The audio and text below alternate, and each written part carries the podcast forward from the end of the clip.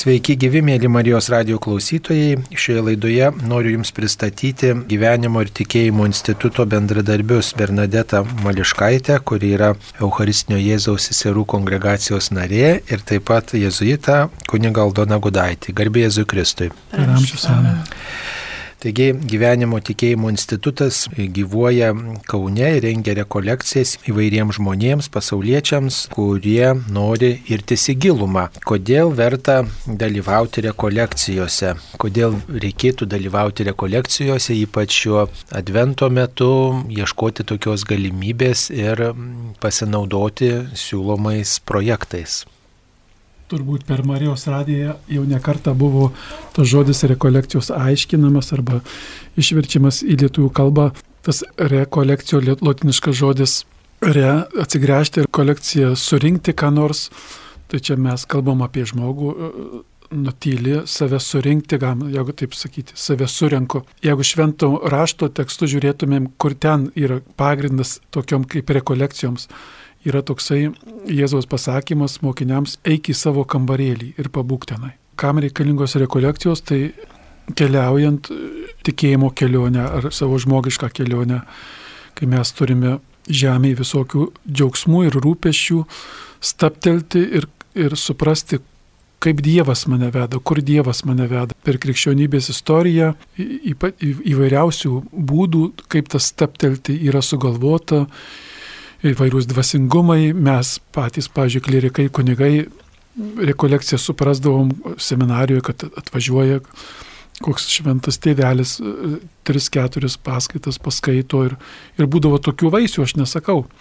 Dabar, kam jos reikalingos, kad susirantuoti, kaip Dievas mane veda gyvenime, ko jis iš manęs nori, ko aš trokštų, patirti savo giluminį troškimą, ko aš noriu gyvenime mes norim būti laimingi ir, ir ką Dievas siūlo, ar išvažiavus į, į rekolekcijas tokias, kokias siūlo gyvenimo tikėjimo institutas, ar žmogus kasdienybėje suranda staptelti to laiko maldai, tam tikrą prasme Dievo atpažinimas, kaip jis mane veda, žmogui to reikia, ne vien tik nurimti, kad gerai jausčiausi, bet suprasti Dievo vedimą gyvenime, ko jis nori iš manęs.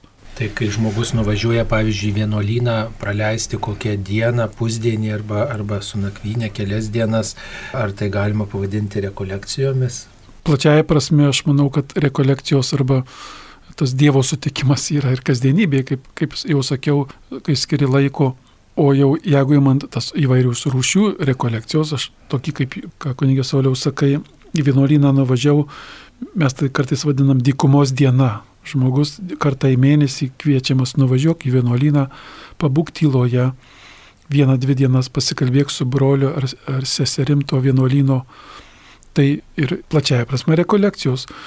Konkrečiau mes tai vadinam dykumos diena, kai stapteliu. Bet jeigu tos jau tokios, sakytume, profesionalios, kabutėse rekolekcijos, tai jos būna kelios dienos su tam tikra tema. Tada jeigu imant ignaciškas rekolekcijas, tai yra, yra aštuonios dienos dešimt dienų, arba jeigu Ignaco sugalvotos pratybos dvasinės, kurios irgi plačiaja prasme rekolekcijos yra 30 dienų, kurios įvairiais būdais galima atlikti. Tai dvasinis susikaupimas, mes tai galim vadinti, plačiaja prasme vienuolinė kelios dienos irgi yra rekolekcijos, nurimsto, surinko save. Ir kokį pagrindinį klausimą dera kelti per rekolekcijas? Daugiausia turiu patirties su ignaciškom rekolekcijom ir man patinka Ignaco įvairūs tokie pasiūlymai e, rekolekcijų vadovui ar kartu ir rekolekcijų atlikėjai. Jis pradžioje tų pratybų duoda įvairiausius tokius patarimus. Pavyzdžiui, jis sako, kam reikalingos rekolekcijos, kad sutvarkyti netvarkingus prisirišimus.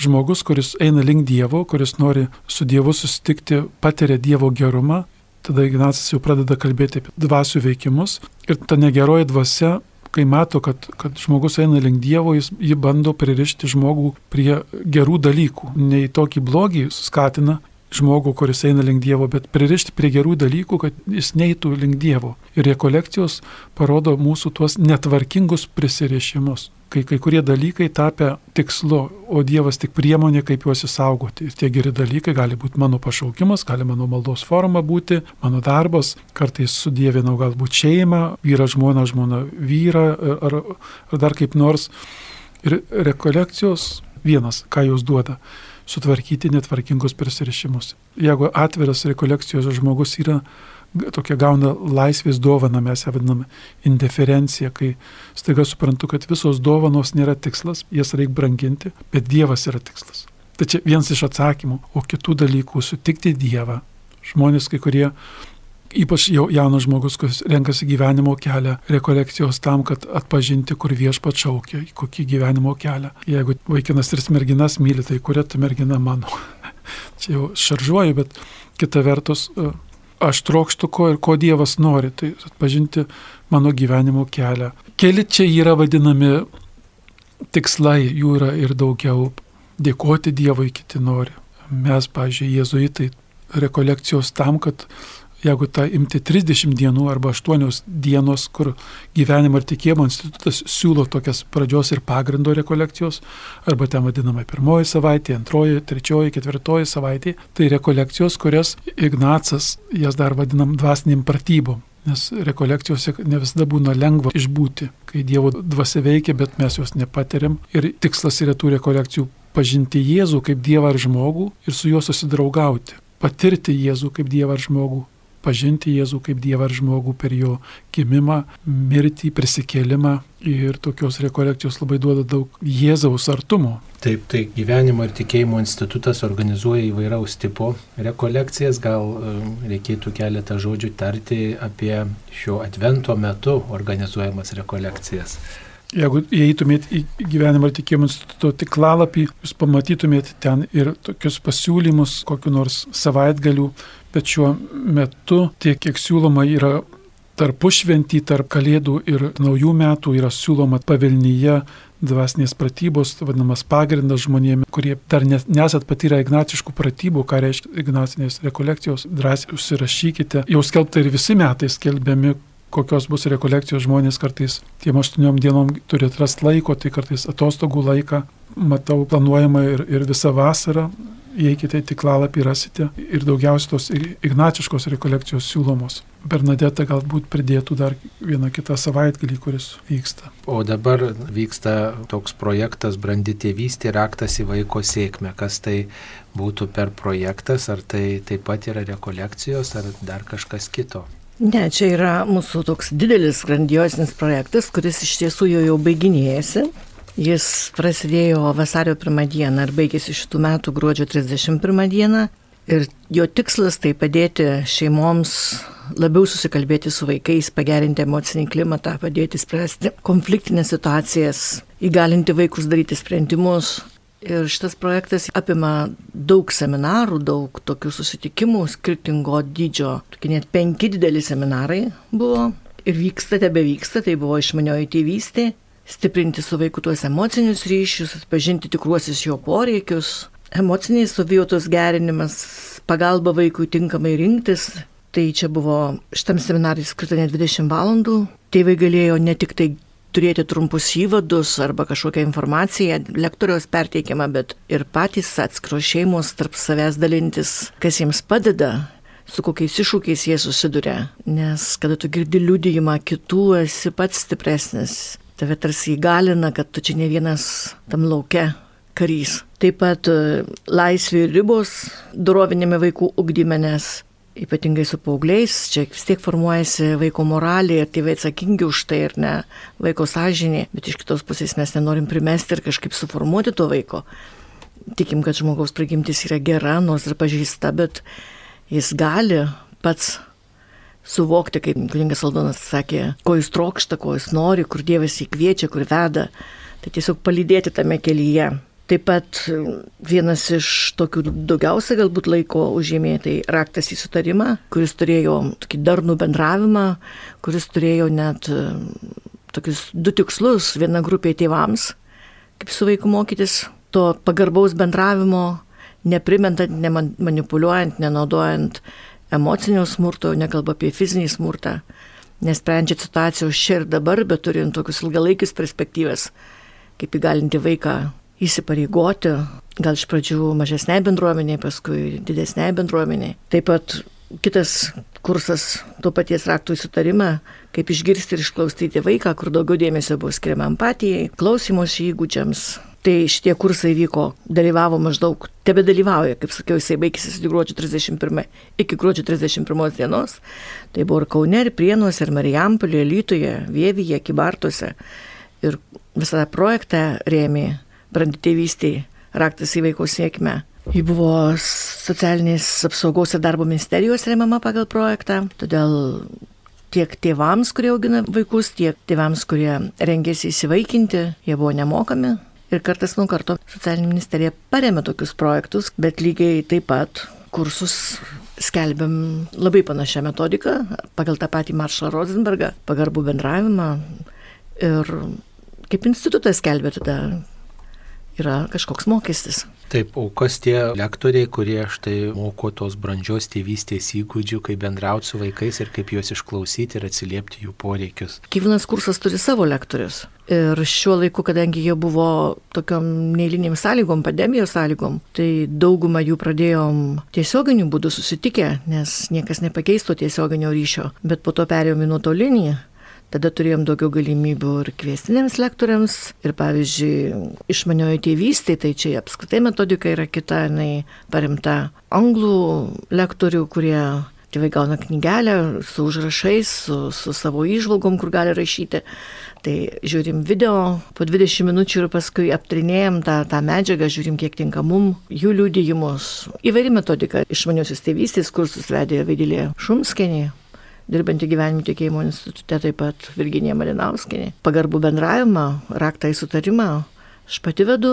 Kokie atsiliepimai žmonių, štai gal kai jau pasistumėja tie kursai, tie susitikimai, jau galbūt žmonės ir, taip sakant, ir parodo, kad, reiškia, tai, ko mokėsi, kažkaip pavyko pritaikyti, arba kad tas visai neveikia, tas tik teorija skamba, o praktiškai visai kitaip viskas yra, ar tokio, kokį grįžtamą ryšį turėjo. Grįžtamą ryšį tai beveik visada turi ir žmonės pasisako, ir žmonės tarp savęs dalyjasi viso kurso metu. Tai tikrai tai ne teorija, tik tai yra sunki praktika, sakyčiau, nes mes turim savo bendravimo įpročius savo bendravimo patirtį, kurie patys esam patyrę. Tai dažnai žmonės įvardina, kad, sako, atrodo viskas taip paprasta, o kai reikia taikyti praktikoje, ypatingai su artimiausiais žmonėmis, kai tu nori rezultatų čia ir dabar ir, ir kai sunkiai pakeli įtampą ir norisi atsikratyti kiek galima jos greičiau. Tai, pavyzdžiui, tokio pagarbaus bendravimo mokymasi, sako, tai prilyksta labai dažnai naujos kalbos mokymuose. Bet labai dažnai žmonės, kurie užsikabina už tų pirmųjų kursų, po to ateina ir ateina į vis kitus kursus, į, į kitą lygį, sakytumėm, ateina po tokius praktinius grinai užsiemimus. Tai tikrai matau, kad jie reikalingi ir, ir lygiai taip pat ypatingai su empatija nustebino, kad dažnai mūsų žmonės net nežino, kas ta empatija. Na, o kaip štai tas tikėjimo matmuo yra šiame procese, atrodo, brandi tėvystė, pagarbus bendravimas, čia atrodo apie Dievą nieko, jokios žinios nėra šituose kursuose, ar kažkokiu aspektu tas tikėjimo matmuo yra svarstomas jūsų paskaitose, užsiemimuose.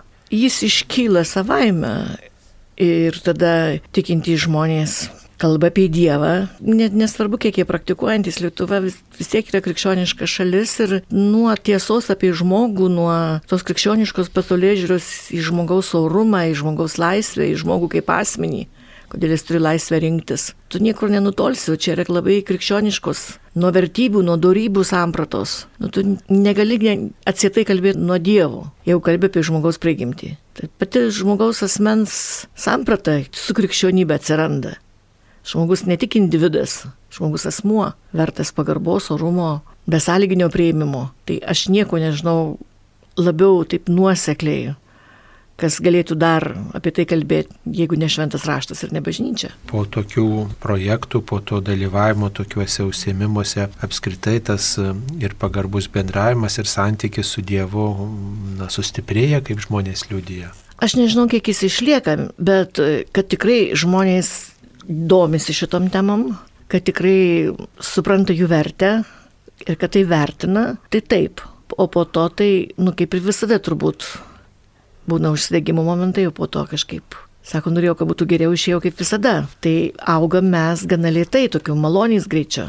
Na, o kaip jūs parenkate štai tas temas rekolekcijų, Vat štai jezuitų dvasinės pratybos ten jau yra kaip ir nusistovėję, pradžia pagrindas, paskui taip ir eina toliau, pirmą savaitę, antrą savaitę ar ne, ir, ir, ir panašiai, žodžiu, tas toks tarsi klasikinis variantas jau aiškus panašiai, o čia vis tiek tos kursų tematikos vis keičiasi. Ir čia kažkas atranda medžiagos literatūroje, dvasiniam skaitime, ar, ar kažkur kitur dalyvavęs užsienį, ar čia poreikis toksai žmonių, lūkestis toks būna, kaip jūs suformuluojat gyvenimo tikėjimo institute, tas temas rekolekcijų, kursų temas. Aš manau, jos savaime, kaip jūs pats sakėt, atsiranda iš žmonių poreikių, tuo, kuo gyvena tuo metu bendruomenė, nes bažnyčia eina istorija gyvenimų žmonių. Liturginiai metai labai daug ką pasako, nes liturginiai metai, nu tai tai, kuo mes, katalikas, kuo krikščionys gyvena, ką jis nori pagilinti ir, ir tas nuolatos galbūt kitų kampų pasižiūrim į tai, bet tos temos Adventas turi savo temas, gavėnė turi savo temas, bet to žmogaus gyvenimas ruošiasi tuoktis, ar ne? Rekolekcijos prieš santoką arba renkasi profesiją, kur Dievas mane šaukia, ar ne apie gebėjimus, apie daug kūrybos yra, ar ne, žmogus yra, kaip teologas Antanas Rupšys sakydavo, Dievas yra kreator, kuriejas, žmogus prokreator. Tas, kuris kuriejėlis. Mes jo, jo paveikslą panašumą sukurti tada kūrybos temos įvairiausios. Jeigu tai yra vasara, jeigu tai yra darom gamtoje, metodai daug apsprendžia, ką renkamės. Ir aišku, pačių mūsų patirtys tenka kursus lankyti, išvažiuoti, pamatyti, kuo gyvena kitose šalyse, kiti žmonės, kitos vietinės bažnyčios, kas aktualu. Mėly Marijos radio klausytojai, šioje laidoje kalbamės apie rekolekcijas ir tikrai Advento gavėnios metu yra įprasta mums susimastyti ir pasinaudoti įvairiausiais pasiūlymais, kokie yra. Štai parapijose įprasta, kad per Adventą ar per gavėnę atvažiuoja kažkoks pamokslininkas, ilgesnis pamokslas būna, galbūt kažkoks dar papildomas pamaldumas, ar tą galima vadinti tikromis rekolekcijomis, kurios vyksta daugelį parapijų Advento metu.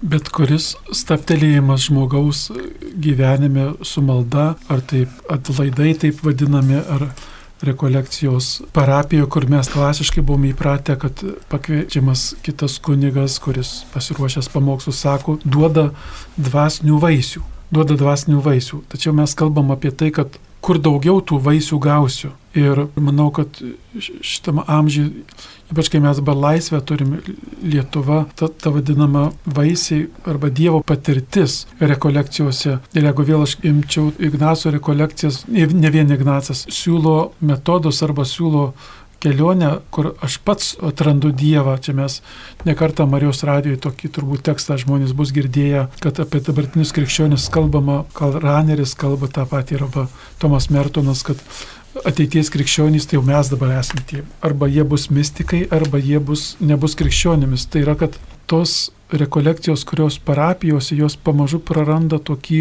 nu, tokį aktualumą, nes išvažiuoti keliom dienom ir pačiam meldžiantis Dievą patirti duoda daug daugiau vaisių arba meilės negu išklausimas pamokslo, kuris galbūt labai įdomus ir, ir entuziastingo kunigo pasakytas. Tai parapijose taip, rekolekcijos mes ir toliau, klebonas jis bus rekolekcijos advento, kur žmogus išklausys pamokslus, prieis iš pažinties ir tai duoda vaisių. Ignaciškam dvasungumai yra toks žodis magis. Ir gyvenimo ir tikėjimo institutas siūlo dažnai... Rekol... Tai nieko bendra su magija, reikia sakyti, tai reiškia daugiau.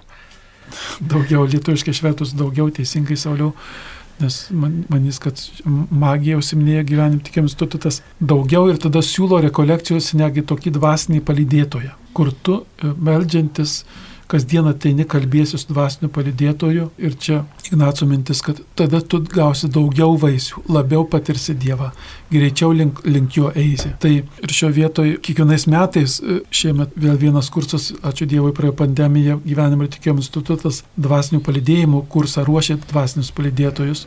Ir aš klausydamas vat, sesė Bernadetos apie tos įvairius kitus kursus, jie pasibaigė, kas toliau, ar jie yra testiniai kokie nors ir ko linkėčiau žmonėms ar vienus ar kitus kursus lankydami, ar rekolekcijas atlikę gyvenime, ieškokite to tokio dvasinio palydėtojo, kas mane palydi gyvenime, mes einame link Dievo ne po vieną. Ir rekolekcijų vienas vaisius, kur staiga suprantu, aš noriu, kad mano gyvenime kas mane palydėtų, kur aš galėčiau pasidalinti tikėjimu. Ir tai, ką minėjau, mažiau tų mano gyvenime būtų netvarkingų prisirišimų, kur aš kalbu su kitu žmogumi ir jis, jis atkreipia dėmesį taip pat, kaip Dievas veda. Taip, tai gyvenimo tikėjimo institutas tikrai organizuoja rekolekcijas ne tik vasarą, bet ir žiemą, bet ir ne tik tai rekolekcijas organizuoja, bet ką dar, kuo dabar gyvena tikėjimo ir gyvenimo institutas. Tai apie mūsų prasidėjusias programas jūs galite pasižiūrėti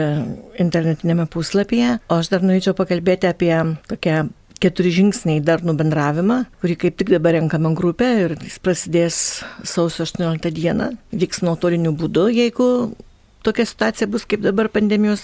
Jeigu ne, tada galbūt galėsime pradėti nuotolinį ir užbaigti tiesiogiai, arba čia priklausys, kaip, kokia mūsų bus Lietuvoje situacija. Tai vadinsis kursas keturi žingsniai į darnų bendravimą. Jis taip pat parengtas pagal Marshall Rosenbergo metodiką, Panašiai kaip ir raktas, ir, kaip ir raktas į sutarimą, čia yra amerikiečių psichoterapeutas, psichologas, kurio stebėjimais jo paties ir kartu jų pasiekėjų daugybė mokyklų atidaryta visoje Europoje, visam pasaulyje. Žmogus, kuris važiavęs, vykęs į karščiausius taškus, į Kosovą, į kalbėtis į karo zonas, į Afrikos karščiausius Ugandus, Randus. Tikrai tų bendravimo tokios patirties daug, tokios praktinės patirties daug turi. Mes visi norim harmonijos, santykiai su savim, su kitu, su kitais, nes esam sukurti santykyje ir santykiui. Nesam vienišiai, esam ryšyje su savim, su kitais, su Dievu. Ir matom, kad tie ryšiai, kurie turėtų mums teikti didelį džiaugsmą, labai dažnai būna konflikto priežastis nesusikalbėjimo priežastis. To tokio nesusikalbėjimo konfliktinių situacijų ypatingai išryškino pandemijos situacija. Dažnai kolektyvė, šeimoje, tarp artimiausių draugų, kai kurios temos jau tampa tabu, nes tu ne tai, kad nepasidalinsi ir nepaliudysi savo patirties, bet tu tiesiog būsi priežastis, kad kitas susinervins, supyks, tie santykiai nutruks. Mūsų žimtumas, jeigu imti šeimas, irgi yra didelis pakankamai. Ir vakare susitikę vieni su kitais ne visada pasakom pačius mieliausius žodžius, kad ir su geriausiais linkėjimais. Dažnai taisom vieni kitus, kritikuojam ir tas kažkodėl stebimės, kad neduoda vaisių, kokiu norėjom, su kokia intencija kritikavom ir taisim. Tai kursas, kuriuo remsis, turi tokią schemą. Išmokti keturių dalykų, to keturių žingsnių. Tai reiškia pirmiausia išmokti būti gerų stebėtojų. Stebėti tai reiškia taip kaip būti kino operatorium fiksuoti, kas vyksta. E, mes labai labai dažnai įpratę nestebėti, o vertinti. Aš dabar irgi taip pat, pažiūrėjau, norėsiu tiesiog paklausti kunigo Saulius ir kunigo Aldono, koks šiandien oras? Mm, šiandien snieguota, šiek tiek ir netaip šalta. Tėvas Aldonas? Vėsų, sniegas, varnos karksė. Šiandien oras toks, kad varnos karksė. Gerai, ačiū labai. Neišlaikėm. Ne, visai neblogai atsakėt, bet nepakankamai suteikėte informacijos. Reikia sakyti, kokia temperatūra. Taip, kokia temperatūra, kiek kritulių, kokia drėgmė, jeigu tikrai iš stebėjimo. Bet dauguma žmonių apie orą kaip pasako, gražus. Geras. Geras, neblogas, kaip visada. Ir informacijos nu, neturim. Subjektyvi tokia, jau vertinimas. Taip, yra. vertinimas. Jeigu mes dar vertinam kaip orą arba tokius reiškinius, kurie nėra labai arti mūsų pačių, nesusijęs su mūsų asmeniu, tai anksčiau ir vėliau susišnekam, bet linkę taip lygiai taip pat vertinti kitą asmenį ir save. Žiūrėkit, kas nus iškrito man iš rankų, sakau, ai, man visada šitaip, nevėkšas čia, niekam tikusi. Arba, pavyzdžiui, nus gal tūkstantį kartų nunešiu tuos podelius ir tik vieną kartą sumušiau, tik vieną kartą sudužu. Ir kai nei vienas žmogus nenori būti vertinamas kaip tinginys, kaip apsileidėlis, kaip netvarkingas, bet mes labai greitai įvertinam tu toks, to noks. Tai tas mokytis tik stebėti. Kažkas iš filosofų yra pasakęs, kad stebėjimas viena yra iš aukščiausio intelekto formų. Gebėti stebėti, pastebėti, stebėtis. Bet dažnai patys buvom vertinami, tai lygiai taip pat vertinami ir kitus. Ir tada vietoj to, kad susikalbėtumėm, jau pirmam žingsnį iššaukėm konfliktą, gynybą. Antras žingsnis būtų pažinti, kai mes stebim, kas vyksta. Tada iš to, ką matom, mumyse kyla jausmas. Ir paprastai tiesiog ištinka tas jausmas. Tai kita tokia didelė tema, kitas žingsnis, tai turėti tokių elementarių, netgi sakyčiau, žinių apie jausmus. Turėti raštingumą jausmų atžvilgių, nes, žiūrėkit, mažą vaiką mes mokom spalvų. Sakom, kokius vardus mokom spalvų pasakyti. Apie jausmus dabar girdžiu ir džiaugiuosi, kad jaunos šeimos moko vaikus įvardinti savo jausmus, atpažinti savo jausmus. Nes jausmai taip pat yra subjektyvūs, moraliai nevertinam, bet mes jų bijom, e, mes susitapatinam su mūsų ištikusiu jausmu ir save vertinam, slepiam, nenorim patys pripažinti, kad turim tokius jausmus, nes netitiks mūsų vertybinių nuostatų, ką mes galvojam, kokie mes turėtumėm būti. Kai iš tikrųjų jausmai tik atlieka savo informacinį darbą. Jie nėra savitiksliai, jausmai mums pasako, kas yra giliau, koks poreikis mumise yra neatlieptas arba priešingai atlieptas.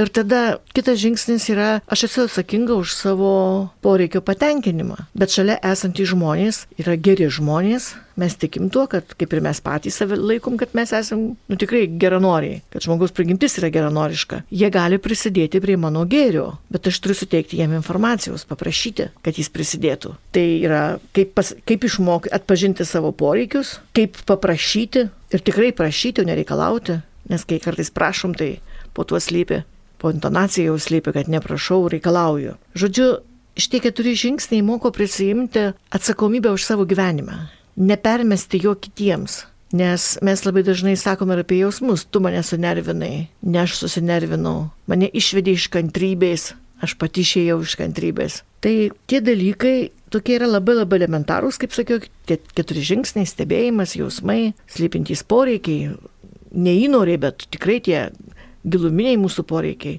universalūs, fundamentalūs, visiems žmonėms pažįstami. Ir po to, kad jie kažkaip būtų atliepta, kad jie būtų nebūtinai čia ir dabar, bet aš planuoju tai. Kada ir kaip atliepsiu. Ir labai didelę reikšmę turi empatija mūsų tarpusavio santykiuose. Mane labai nustebino prieš kelis metus, toks, aš visuomet galvoju, kad mes labai esame empatiški. Nežinau, kiek galime tais tyrimais tikėti, bet arba kas juos darė. Sako, rytų kraštų žmonės, va, čia po, po sovietinės Respublikos buvusios, neturėjo galimybės labai būti empatiškais, nes reikėjo vieną galvoti, kitą sakyti, trečią daryti. Ir empatija tapatino su gebėjimu išklausyti, su jautrumu kitam žmogui, su mokymu, su raminimu kito žmogaus, kai tuo tarpu empatija yra įlipti kito batus, suprasti, ką jis jaučia ir ko jis nori. Ir nebūtinai kalbėti, mažiausia kalbėti.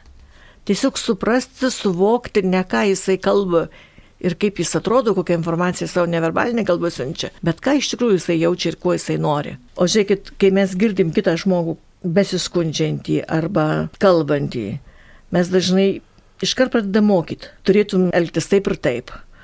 Arba pradedam aiškinti, raminam, jeigu jis verkia, nusiramink, guodžiam, tu per daug savo reiklus, pradedam pasakoti apie save, kuris iš mūsų nesakėm arba negirdėjom, kai mums sakydavo. Žinai, tau taip ir taip atsitiko, bet tu paklausai, kaip man atsitiko. Čia tai dar visiškai niekai, kas su tavim buvo. To, to empatiškos bendrystės, empatiško išklausimo, kuri padeda suklestėti žmogui, atgauti jėgas, niekada mūsų tarpusavio santykiuose nebus per mažai. Ar šito galima kažkaip išmokti? Taip.